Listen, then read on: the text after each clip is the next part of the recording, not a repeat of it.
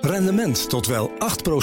Ontdek Unity. Wij bieden koppelbare werk, kantoor en opslagruimtes die staan voor duurzaamheid, kwaliteit en veelzijdigheid. Sluit je aan bij Unity, waar alle ruimte is voor creativiteit, lef en rendement. Kijk voor meer informatie op unity-units.nl. The ladies not for turning.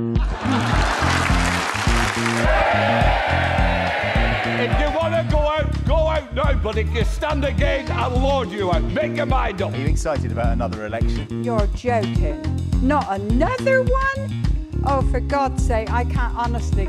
Je luistert naar Van Beckhovens Britten, een podcast over het belangrijkste nieuws uit het Verenigd Koninkrijk met in Londen Lia van Beckhoven. Ik ben Connor Klerks, niet bij BNR Nieuwsradio in Amsterdam, maar in een bos in Zweden, want daar ben ik op vakantie. Dus als je denkt, ja, die podcast die klinkt een beetje anders dan normaal deze week, misschien zelfs een beetje serener, nou, daar heb je de oorzaak. Dag Lia. De bomen, Connor, dat zal het, dat zal het zijn. Ik hoor het, ik ruik ze, ik zie ze. Heerlijk. Nee. I- I- ik dus helemaal vanuit mijn zolderkamertje, mijn werkkamer, helemaal boven het huis uit Londen. Hmm, heb je wel een raam? Ja, ja, ik heb er twee zelfs. Ja. Oh, dat scheelt. Ik heb ze net dicht gedaan, want ik weet niet waarom dat, ik weet niet waarom dat is, maar ik kan het wel raden. Maar in de zomer ehm, eh, gaat iedereen tegelijkertijd, eh, hier in ieder geval, de achtertuin maaien, bomen snoeien, bladeren vegen. Oh ja, precies. Dus de ramen zijn dicht. Nou, helemaal goed. Ja, ik kijk hier uit op een naaldbos, heuvels, eh, grote keien, zelfs een wapperende Zweedse vlag. Dus ik mag absoluut niet klagen. Heerlijk. Zeg, Lia, deze week eh, gaan we het hebben over de zaak van Andrew Melkinson. Dat is een man die 17 jaar lang onterecht vast heeft gezeten voor een verkrachting die hij niet heeft gepleegd. En Melkinson is vrij sinds 2020, eh, maar nu pas krijgt hij zijn gelijk, want hij was Ja, niet de dader. I came to the police station in 2003 and told the officers I was innocent. They didn't believe me. I came to the Crown Court in Manchester in 2004 and told the jury I was innocent. They didn't believe me. I came to this appeal court in 2006 and told them I was innocent. They didn't believe me. I applied to the Criminal Cases Review Commission which is supposed to investigate miscarriages of justice, and told them I was innocent. They didn't investigate, and they didn't believe me. Not, not once, but twice. Today we told this court I was innocent, and finally they listened. Ja, Melkinson eh, hoorde je daar, die ja, toch eindelijk zijn gelijk heeft gekregen. Lia, 17 jaar lang onterecht vastgezeten. Eh, wat is hier nou gebeurd? Ja, het, het is zo'n interessant verhaal. Ik bedoel, over juridische dwalingen gesproken. Ik moet zeggen, ze komen niet veel voor, maar ze komen wel voor. En dit is weer zo'n, eh, het, het vrij typisch geval. Ehm, wat is er gebeurd? Zoals je zegt, die man is opgepakt, eh, deze Melkinson, in 2004. Hij was van 38, geloof ik.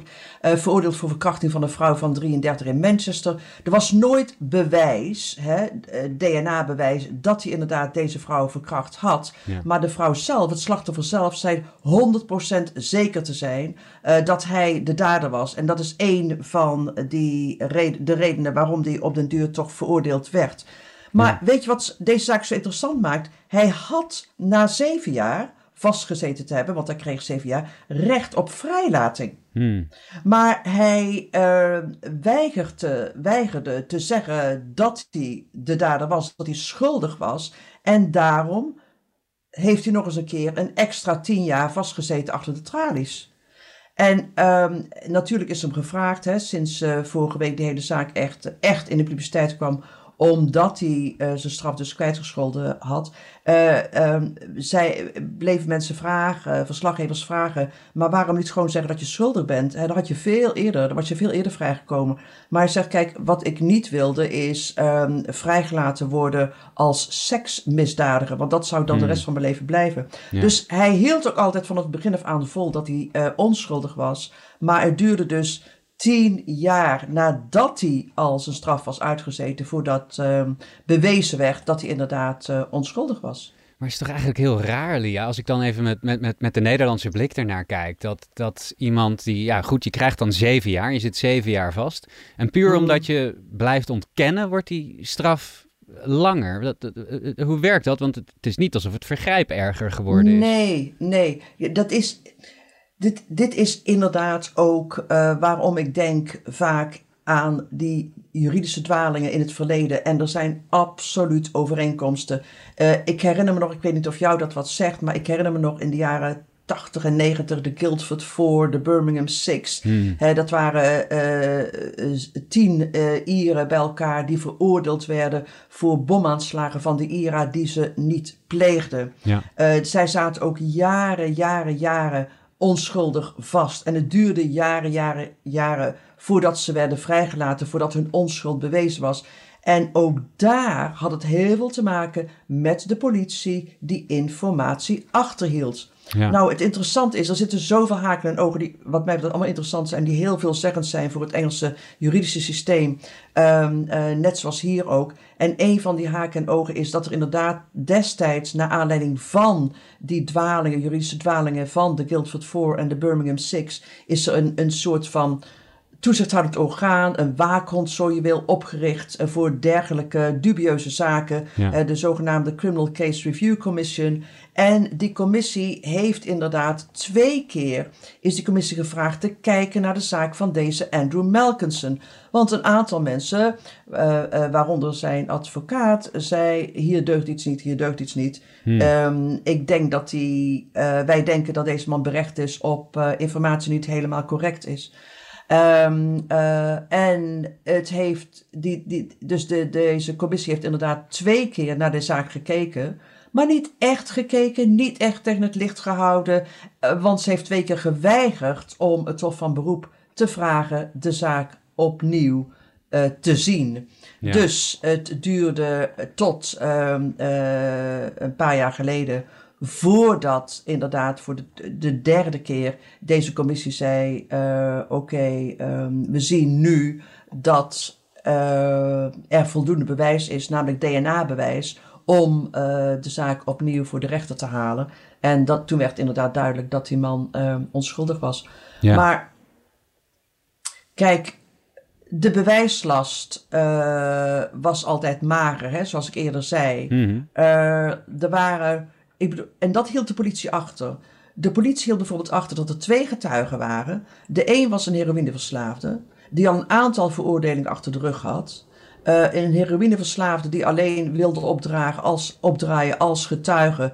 eh, toen hij eh, werd opgepakt voor een ander misdrijf. Hm, ja. Dus de verdediging vroeg om waren er, wa- wat was het strafblad als ze het al hadden van die getuigen. Ja. En dat kregen ze nooit. Tweede opmerkelijke eh, ding was dat het slachtoffer van die verkrachting zei dat ze het gezicht eh, bekrast had ehm, van de dader. Nou, Melkinson had geen schrammetje. Hm. Ehm, de foto van het slachtoffer, waarin inderdaad één van haar nagels korter eh, was dan een ander, is nooit getoond aan de jury. Ja. Bovendien, wat de politie ook deed, en het is allemaal de politie weer, wat de politie ook deed, was dat ze be- bewijslast vernietigde. Ja. Eh, kleren van het slachtoffer, t-shirt, haar BH, slipje, is allemaal vernield door de politie.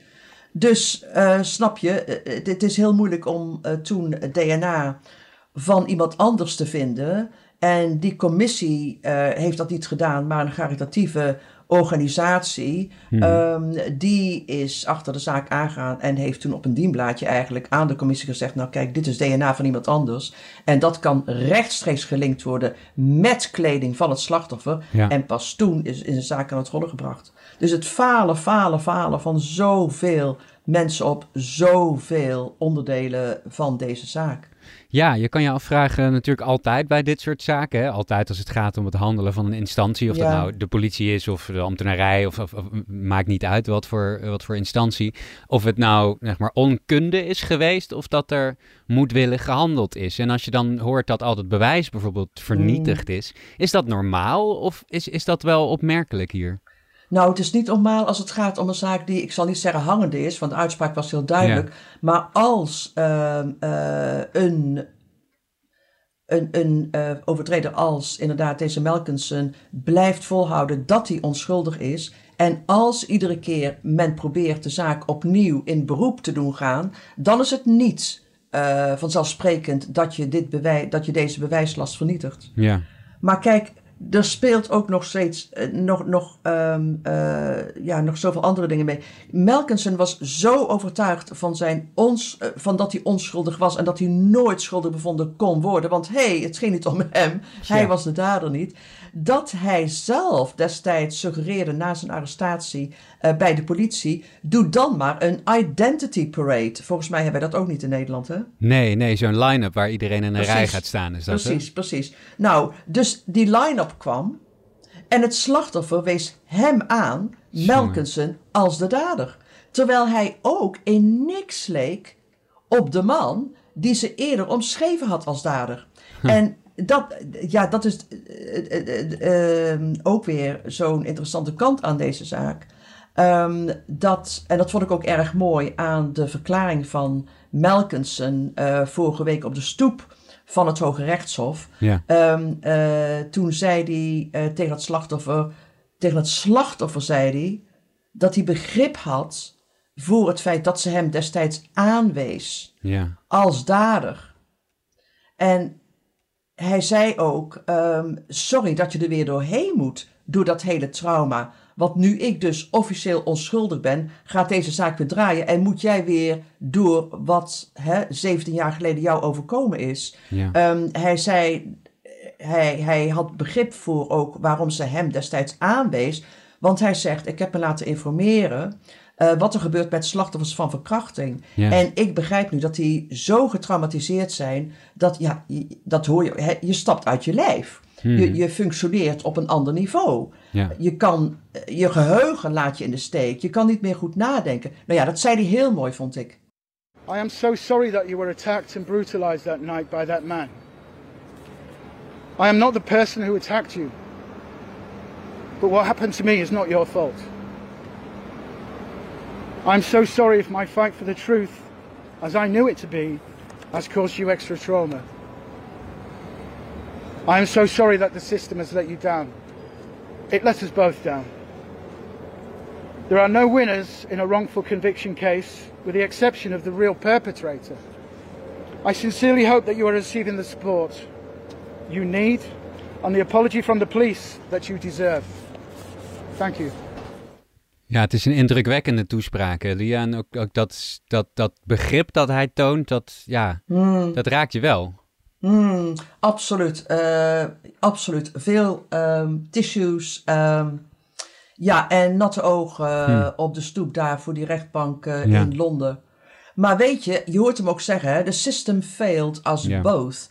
En dan denk je, ja, daar is het wel mee gezegd. Maar weet je, het kan nog anders. Je zou er bijna cynisch van worden. Het kan nog erger. Hm. Want hij moet nu compensatie aanvragen. Zou hij dat willen? En natuurlijk wil hij dat. Hè? Maar als hij compensatie gaat aanvragen, dan moet u nu gaan bewijzen dat hij onschuldig was. Hm. Want de rechter heeft de veroordeling wel nietig verklaard, maar dat is nog heel wat anders dan onschuld bewijzen. Zo. En dat kan jaren duren. En dan nog, je houdt het echt niet voor mogelijk, ik kon er. Maar dan nog, als hij eindelijk zijn compensatie krijgt, dan is het goed mogelijk dat hij een kwart van het bedrag, en het gaat natuurlijk om tonnen, moet teruggeven aan de gevangenis voor onkosten. Zeg maar logies en ontbijt. Hm. Voor al die 17 jaar dat hij onschuldig vast zat en helemaal geen logies en ontbijt had hoeven genieten. Hè, als gast van uh, de Ja. Britse majesteit. Hoe Kafkaiaans wil je het hebben? Ik Ja, bedoel, is- maar is- goed, eh, eh, Rishi Sunak, ja. de- ja, ja, nog, ja, inderdaad. Ehm, eh, maar Rishi Sunak, de Britse premier, heeft gisteren gezegd dat inderdaad dit laatste over die compensatie en dat terug moet betalen voor logies en ontbijt, dat daar eh, opnieuw naar gekeken wordt. Dus laten we hopen dat dat niet gebeurt. Maar, en weet je wat ik me ook afvraag? Of ehm, de hele zaak bij dit soort kwesties niet verder op de spits gedreven wordt. Door, dat, ik herinner me dat ook nog hoor, toen ik met al die mensen sprak van de Guildford Four en de Birmingham Six. eh, op de spits gedreven wordt door het hele Britse systeem. Hè, dat jurysysteem. Ja. Hoe bedoel je dat, Lia? Want het, het, wij, kennen dat dat? in Ik Nederland bedoel- niet per se. Wij- hier hier moet Nee. je, heb je een rechter en die oordeelt Ja. tussen eh, de twee partijen. Het OM aan de ene kant, de advocaat van de verdachte aan de andere kant. Ja, wat ik bedoel is, je hebt hier het zogenaamde adversarial system. Hè, Ja. Adversarial, letterlijk vertaald, is het vijandigheid. Dat zie ik wel in de Britse politiek. Hè? Eh, Niet geleid tot compromis. Je hebt en de ene partij en de andere partij altijd als kemphanen tegenover elkaar. Zo geldt dat ook in de rechtbank. Ik ben zelf lid geweest van een jury. En dan merk je dat ontzettend goed. Dat het eigenlijk niet gaat in zo'n rechtszaak om het naar boven halen van de waarheid. Het gaat om het overtuigen van de jury. Want de jury spreekt uit of je schuldig of onschuldig bent. Dus het gaat erom welke advocaat het beste verhaal heeft. De aanklagers die komen met eh, de informatie, door hen verkregen door de politie, eh, zeker in criminele zaken.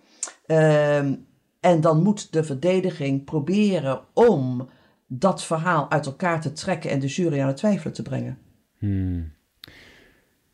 Ja, Ja, dat is in dit geval niet gelukt. Ehm, een van de andere dingen die, die, die Melkinson eh, heeft gezegd, die heb ik niet op band, maar eh, die zei hij wel eh, bij dezezelfde persconferentie, geloof ik. Hij zei: Ik ben geen leugenaar. Ik ben niet in de ontkenning, maar ik zal je vertellen wie dat wel zijn. De politie De van politie. Greater Manchester. Dat zijn de leugenaars en zij zitten in de ontkenning. Dat is een pittige uitspraak die, ja, voor zover ik kan zien, wel waar is.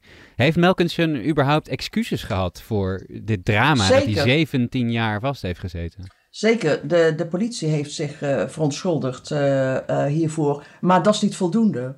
Het is eh, letterlijk, zei Melkensen, wat dat betreft, het, het excuus van de politie is een PR-stunt.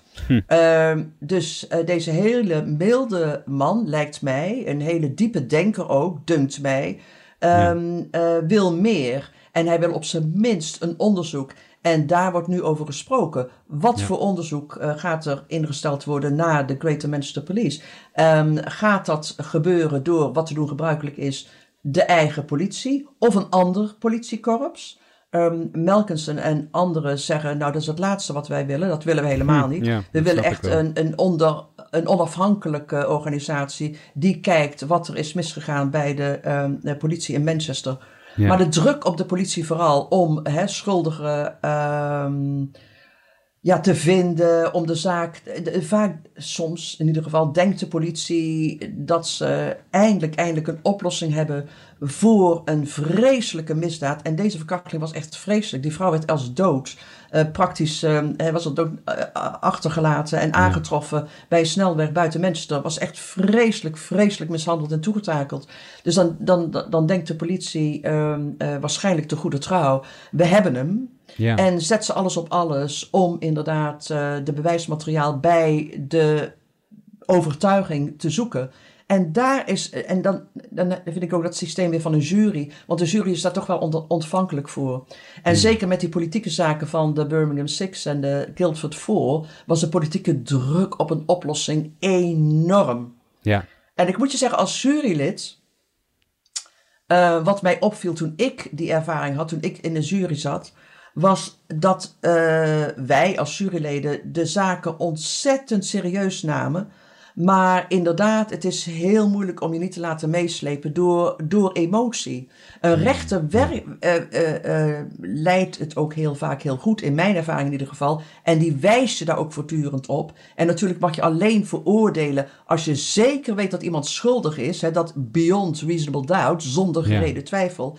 Dus dat is een enorme verantwoording. Want als jij zegt dat die ehm, beklaagde schuldig is, dan wacht het gevang. Want alleen de zwaarste zaken worden door een jury gehoord. ja. En ik herinner me ook nog dat eh, wij hadden het over een, een vermeend corrupte agent die wij moesten veroordelen of niet. En ik herinner me nog dat één ander jurylid eh, van mijn groep zei: dat is precies de reden waarom ik nooit jurylid wilde worden, want ik wil die verantwoording niet dragen. Maar het wordt in Engeland hè, gezien als een principe kwestie. Je wordt veroordeeld door jouw peers, door mensen Ja. als jij uit je omgeving. En je hebt ook juryplicht. Je moet die ondergaan als plicht. Je mag er niet onderuit. Dat is geen verzoek. Nee, dat is net zoals belasting betalen. Is iets wat, Ja. iets wat iemand verplicht is en wat je dus eh, per se moet doen, inderdaad. Ja, zelfs rechters, zelfs rechters die, ehm, eh, die zijn eh, verplicht om als jurylid op te dagen. Wat denk je uiteindelijk dat er met, met Andrew Melkinson gaat gebeuren nu? nou, wil je het echt weten? Ja. Eén van de mensen, een van de weinige mensen die altijd in hem geloofde, was zijn ex-vriendin. En zij is Nederlandse. Oh, En zij zijn in eh, contact gebleven. En hij zei gisteren tegen een krant: ehm, in een land als Engeland, eh, wat mij zo eh bejegend en behandeld heeft, voel ik me niet langer thuis. Ik wil hier niet blijven wonen. Ik ga kijken of ik ehm, over kan stappen naar Nederland en daar een verblijfsvergunning kan krijgen.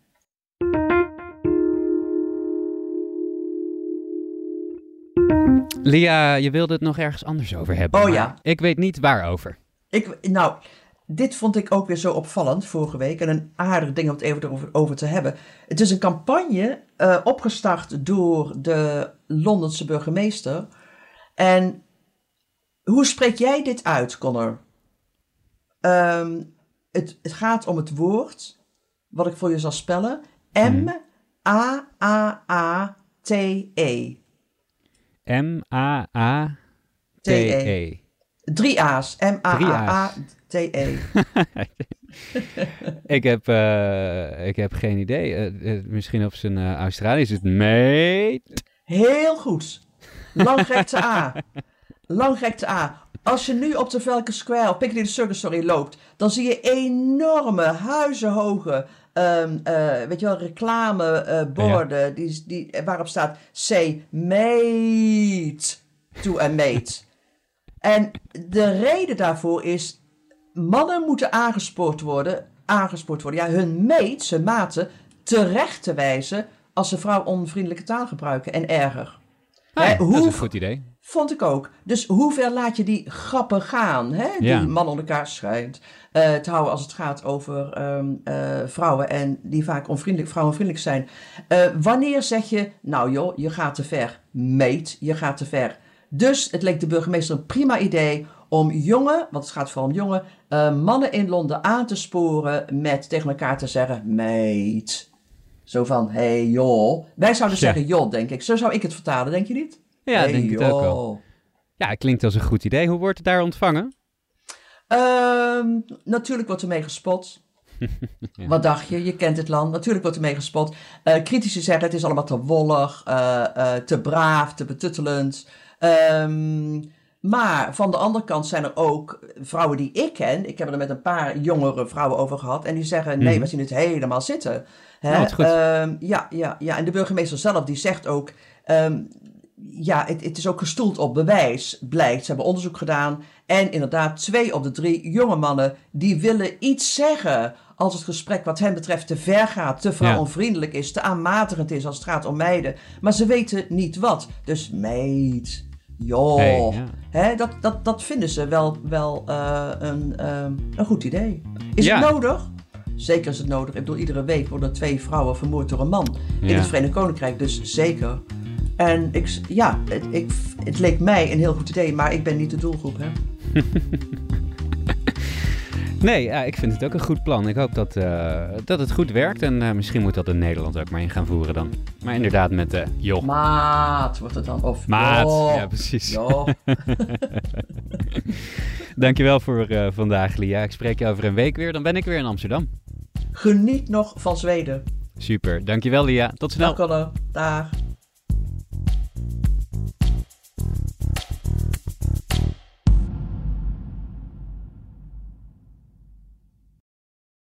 Rendement tot wel 8%. Ontdek Unity. Wij bieden koppelbare werk, kantoor en opslagruimtes die staan voor duurzaamheid, kwaliteit en veelzijdigheid. Sluit je aan bij Unity, waar alle ruimte is voor creativiteit, lef en rendement. Kijk voor meer informatie op unity-units.nl.